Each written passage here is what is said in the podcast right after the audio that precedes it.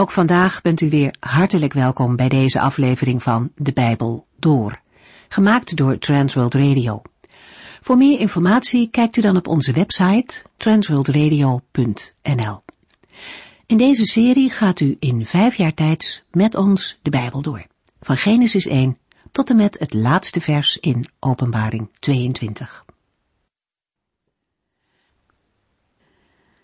Van onze serie over de brief aan de Galaten zijn inmiddels dvd-opnames gemaakt.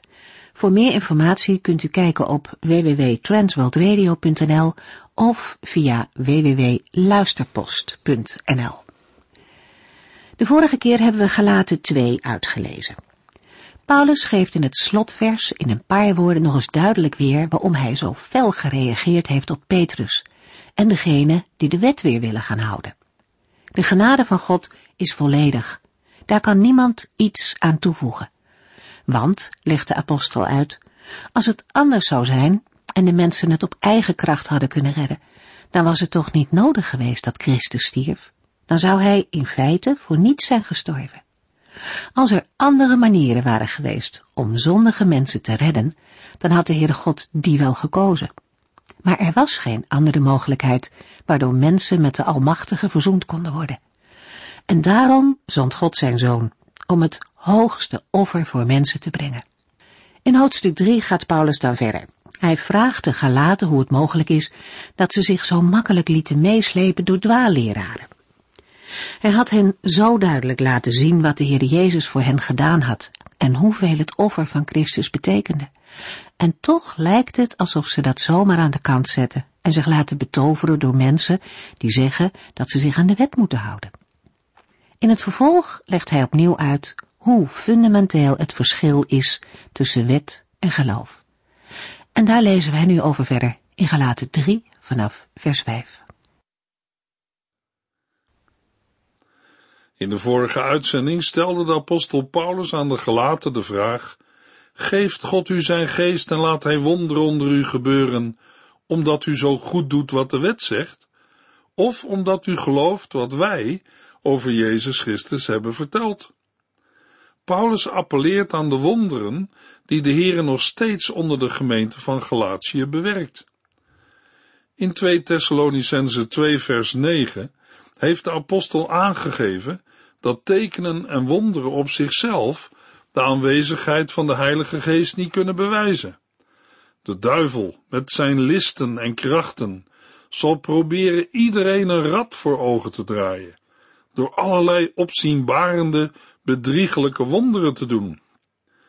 Opmerkelijk dat er in 2 Thessalonicense 2 vers 10 tot en met 12 extra bijstaat dat de duivel in elk geval de mensen die op weg zijn naar de ondergang met zijn listen en krachten zal proberen een rad voor ogen te draaien. Waarom? Paulus schrijft, omdat zij niets weten van de waarheid waardoor zij gered hadden kunnen worden. Omdat zij niet van de waarheid houden, laat God hen met hun hele hart in leugens geloven. Zij zullen allemaal veroordeeld worden, omdat zij niet de waarheid geloven maar met genoegen onrecht accepteren. Een paar versen verderop in 2 Thessalonicense 2 vers 15 tot en met 17 roept de apostel de gelovigen op om vol te houden. Hij schrijft, wees dus standvastig en houd vast aan de leer die wij u mondeling of per brief hebben onderwezen.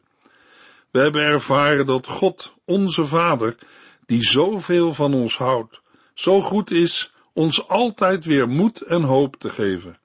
Daarom vragen wij Hem en onze Heer Jezus Christus u te bemoedigen en kracht te geven om goed te doen in woord en daad. Het is niet altijd gemakkelijk om de heiland na te volgen en te doen wat God vraagt. Steeds weer blijkt het voor gelovigen nodig te zijn om elkaar aan te moedigen en vast te houden aan het woord van God Daarbij is het zeker niet onmogelijk dat de Heere zich op een bijzondere wijze manifesteert en er wonderen gebeuren. Paulus waarschuwt de gelaten in hoofdstuk 3 dat niet alle door mensen waargenomen wonderen altijd wonderen van God zijn. Bovenal geeft de apostel in Galaten 3 aan dat als de Heer een wonder geeft, hij dat niet doet omdat de mensen zo goed doen wat de Heer in zijn wet vraagt, maar als een teken wat de verkondiging van het evangelie bevestigt. Mensen geloven God op zijn woord en geloven wat er over Jezus Christus wordt verteld. Dat is een vreugdevolle zaak. Maar dat wil nog niet zeggen dat iedereen die dat gelooft hier op aarde direct zal worden genezen. Soms heeft de Heer een andere bedoeling, opdat de mens in zijn of haar ziek zijn of het hebben van een beperking zijn naam zal groot maken en verheerlijken. De leugen van Satan, dat mensen alleen in God geloven als het hen goed gaat en hem anders vaarwel zeggen, wordt door hun getuigenis ontkracht en ontmaskerd. Daarom kan Paulus hier wijzen op de ervaring van de wonderen van de Heilige Geest en vragen naar de bron daarvan. Met deze wonderen worden alle werkingen van de Heilige Geest in de gemeente samengevat, zoals we die ook tegenkwamen in 1 Corinthiërs 12, vers 7 tot en met 11. De Geest openbaart zich door elk van ons, tot welzijn van de hele gemeente. De een brengt Gods wijsheid onder woorden door de Geest, de ander geeft blijk van Gods kennis door dezelfde Geest. De een krijgt ergens geloof voor en de ander de gaven om zieken te genezen, beide door dezelfde Geest. De een doet wonderen, de ander geeft Gods woord door. De een weet te onderscheiden wat wel en wat niet van Gods geest afkomstig is. De ander spreekt in klanktalen. En weer een ander legt uit wat in klanktalen gezegd wordt. Maar het is één en dezelfde geest die dit allemaal bewerkt. Hij geeft ieder wat hij nodig vindt. Hij deelt zijn gaven uit zoals hij wil. En in 1 Corinthians 12 vers 28 lezen we God heeft sommigen in de gemeente een taak gegeven. Ten eerste zijn er apostelen, ten tweede degene die Gods woord doorgeven, en ten derde leraren. Dan zijn er die wonderen doen en anderen die de gave hebben zieken te genezen. Er zijn helpers en leiders, en sommigen die in klanktalen spreken. De geest, zo weten de gemeente in Galatië uit eigen ervaring, is niet een vrucht van onze daden, maar een genadegave van God, die alleen in het geloof ontvangen kan worden. Dit geloof is er alleen uit het gehoor, omdat de Heere gesproken heeft en nog steeds spreekt door de verkondiging van het evangelie. Zo worden Gods woord en het werk van de Heilige Geest heel nauw met elkaar verbonden. Gelaten 3 vers 6 Kijk naar wat er over Abraham is gezegd. Abraham geloofde God en daarom beschouwde God hem als een rechtvaardig mens. Na uit de ervaring van de gemeente te hebben aangetoond dat het heil van God alleen uit genade wordt geschonken, beroept Paulus zich op het woord van God. Voor de gelaten, als ook voor Paulus, de hoogste gezagsinstantie. Hij citeert Genesis 15 vers 6 uit de Griekse vertaling van het Oude Testament, de Septuaginta. Het is niet iets nieuws wat de gelaten hebben meegemaakt toen ze de geest uit genade door de prediking van het geloof ontvingen. De Heere handelde zo ook al in het Oude Testament. Immers, op dezelfde wijze werd Abraham gerechtvaardigd. Niet uit werken der wet. De wet was er toen nog niet, maar op grond van zijn vertrouwen op Gods belofte. Toen Abraham nog geen zoon had, gaf God hem zijn belofte. Kijk naar boven en tel al de sterren eens als je kunt. Zo zal uw nageslacht zijn, ontelbaar. Op dat woord van God bouwde Abraham zijn vertrouwen. Dat is het wezen van zijn geloof. Ondanks dat hij er nog niets van zag, hield hij vast aan de belofte van God. Paulus ziet dit niet als een verdienste van Abraham, zoals dat in de Joodse theologie wordt gezien. Het ging er juist om dat Abraham, terwijl hij niets had, alles van de Heere verwachtte. Dat bepaalde zijn geloof. En dat rekende God hem toe, uit genade, als gerechtigheid. Dat wat Abraham niet had, kreeg hij van de Heere, doordat hij de Heere op zijn woord geloofde. Romeinen 4, vers 5 tot en met 14. Als iemand zich echter zonder eigen inspanning toevertrouwt aan God, die de goddeloze vrijspreekt, verklaart hij hem onschuldig op grond van zijn vertrouwen in hem. David zegt toch ook dat u gelukkig bent als God u vrijspreekt zonder dat u er iets voor hebt gedaan. Gelukkig is hij wiens misstap vergeven en wiens zonden niet meer gezien worden, staat er. Gelukkig is hij aan wie de Heere zijn zonde niet toerekent. Geldt dit alleen voor de Joden, die besneden zijn, of ook voor wie niet besneden zijn? Ik heb toch gezegd dat Abraham als rechtvaardig mens werd beschouwd, omdat hij God geloofde? Wanneer gebeurde dat? Toen hij besneden werd of daarvoor? Daarvoor. Pas nadat hij door God rechtvaardig was verklaard, werd hij besneden. Dat was het teken waarmee bezegeld werd dat hij rechtvaardig was verklaard.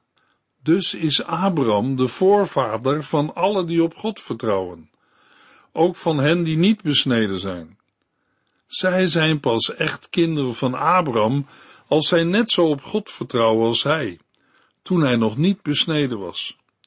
God beloofde dat hij de wereld aan Abraham en zijn nakomelingen zou geven, niet omdat Abraham zich zo goed aan Gods wet had gehouden, maar omdat hij God geloofde en daardoor met God in het reine was.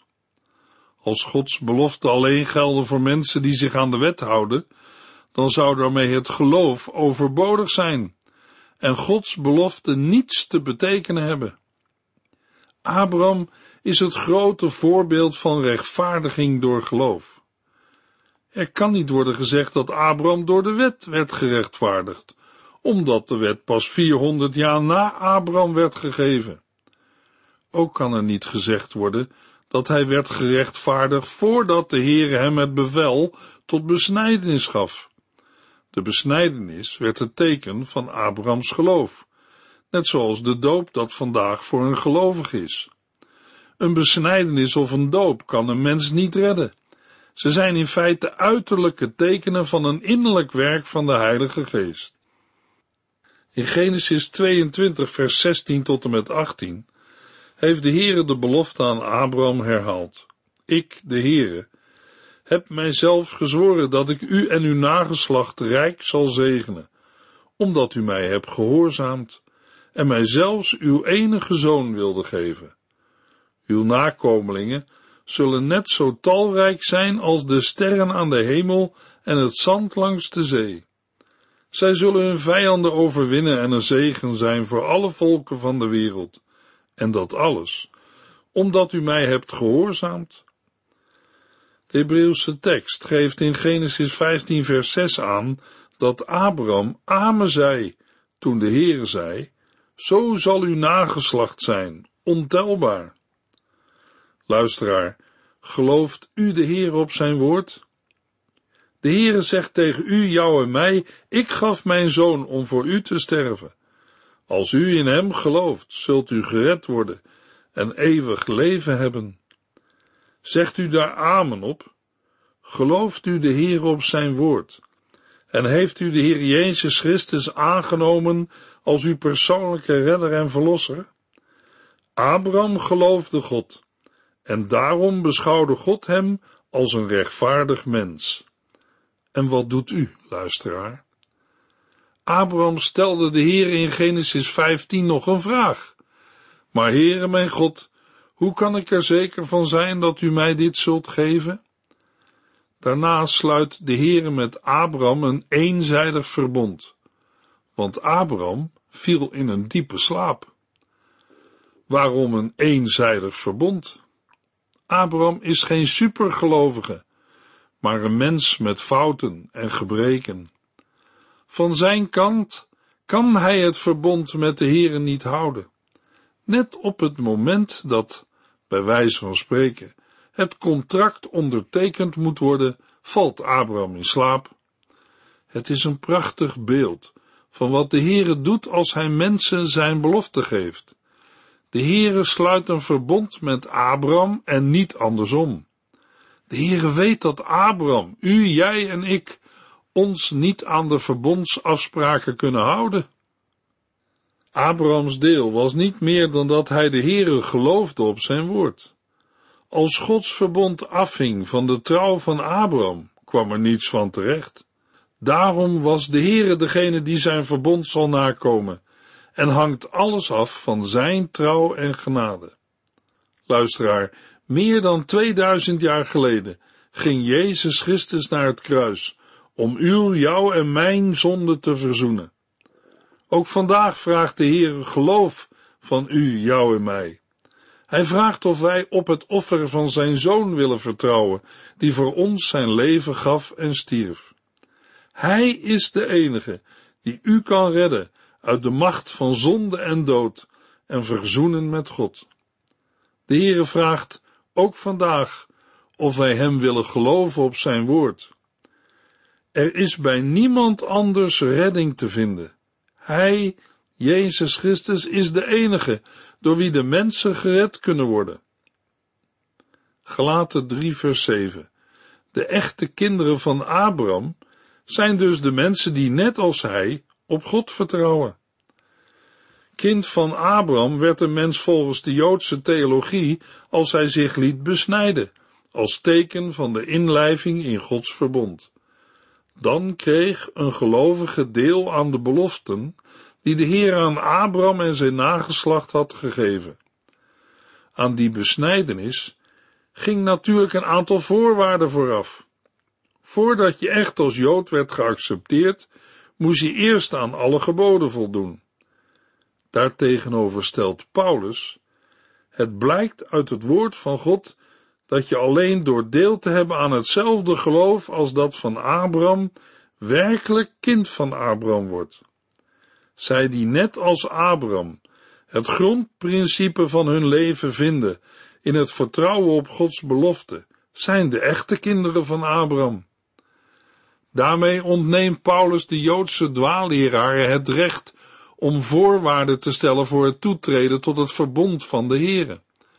Alle verdienste is uitgesloten. In Gelaten 2 vers 21 hebben we gelezen, wat God in zijn genade heeft gedaan, wil ik niet onderschatten. Want als wij het met God in orde konden maken door de Joodse wet te houden, zou Christus voor niets gestorven zijn. Met deze woorden klopt Heer Jezus op de deur van uw hart. Het is alsof Jezus hetzelfde zegt als in Openbaringen 3 vers 20. Luister, ik sta voor de deur en klop. Als iemand mij hoort en de deur open doet, zal ik bij hem binnenkomen. Met eerbied gesproken, de heiland is geen inbreker. Hij forceert de deur van uw hart niet, maar vraagt of u hem binnenlaat. Dat is uw eigen verantwoordelijkheid. Ja, maar zal iemand vragen, hoe gaat dat? De deur van je hart open doen. In het Bijbelboek Hebreeën wordt de enige voorwaarde genoemd. Maar als iemand niet gelooft, kan God niet tevreden over hem zijn.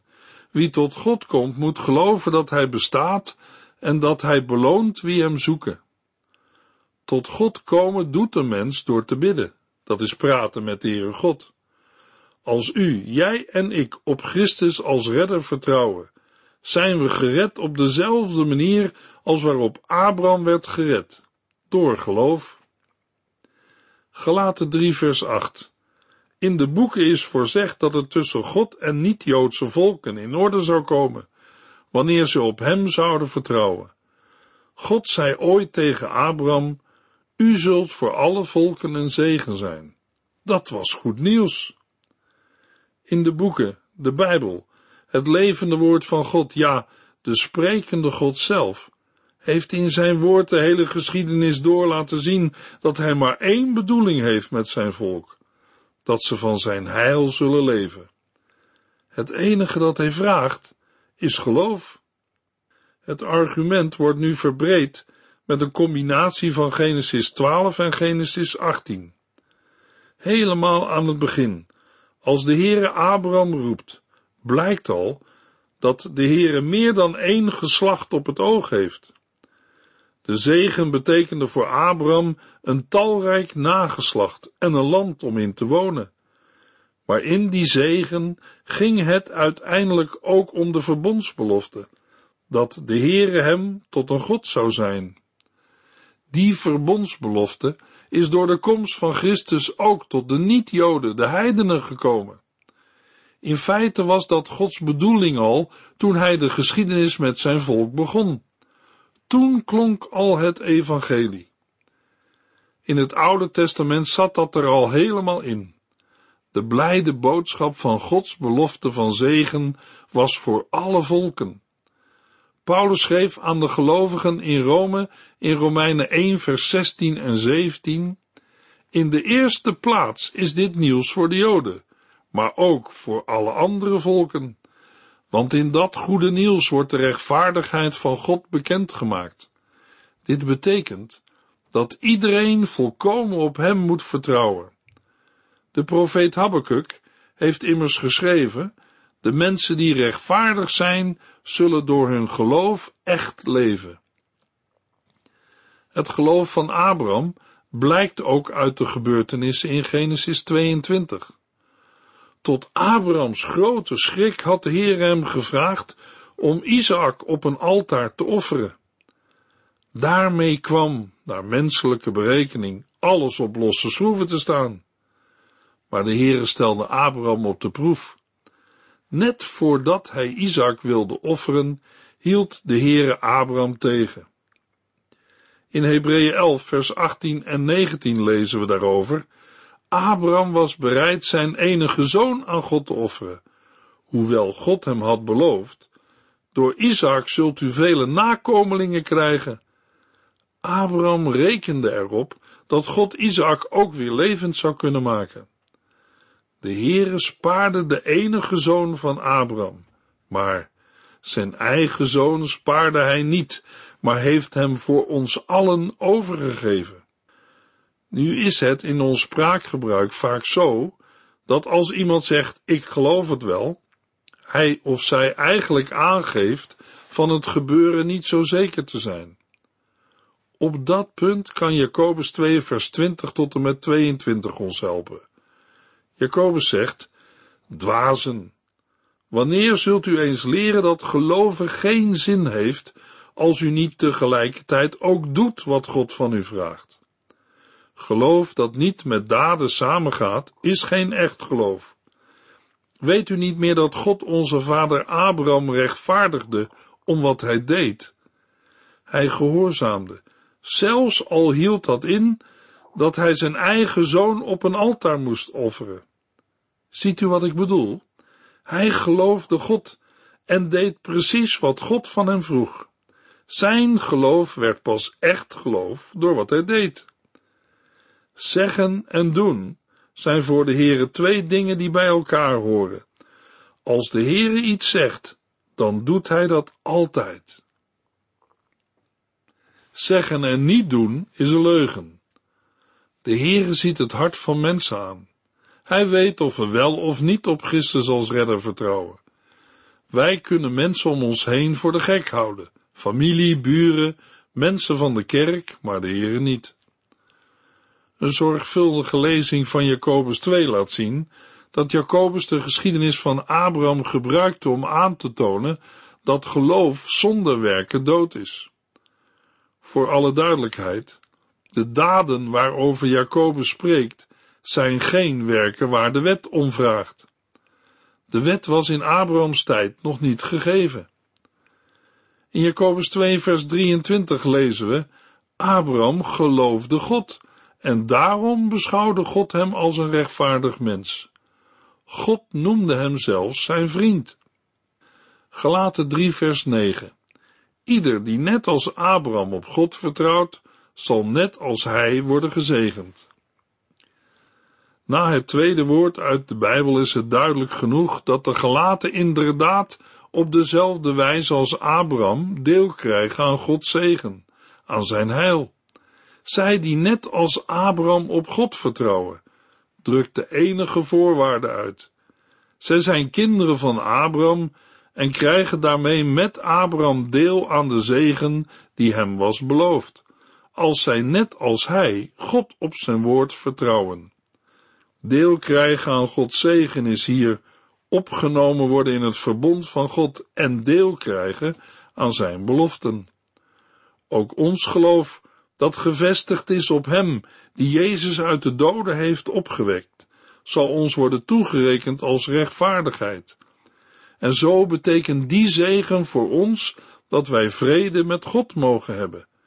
Dat God ook ons kinderen wil noemen, zijn erfgenamen, en dat ook wij, net als Abraham, of schoon hij de realisering van Gods belofte totaal nog niet zag, mogen uitzien naar alle geweldige dingen die Hij voor ons heeft klaarliggen. Nadat op een positieve wijze is aangetoond dat er alleen uit het geloof rechtvaardiging en leven is, wordt nu opnieuw op grond van de Bijbel bewezen dat uit de werken van de wet geen rechtvaardiging bereikt kan worden. Integendeel, tegenover de verbondszegen die de Heere belooft aan de gelovigen, staat zijn vloek, zoals blijkt uit Deuteronomium 27 en 28. De wet bewijst dat geen mens volkomen de wet kan gehoorzamen. Deze constatering roept om de Verlosser. Daarover meer in de volgende uitzending, in gelaten 3 vers 8 tot en met 17. U heeft geluisterd naar De Bijbel Door, in het Nederlands vertaald en bewerkt door Transworld Radio. Een programma waarin we in vijf jaar tijd de hele Bijbel doorgaan. Als u wilt reageren op deze uitzending of u heeft vragen, dan kunt u contact met ons opnemen. Tijdens kantooruren kunt u bellen op 0342 47 8432. 0342 47 8432.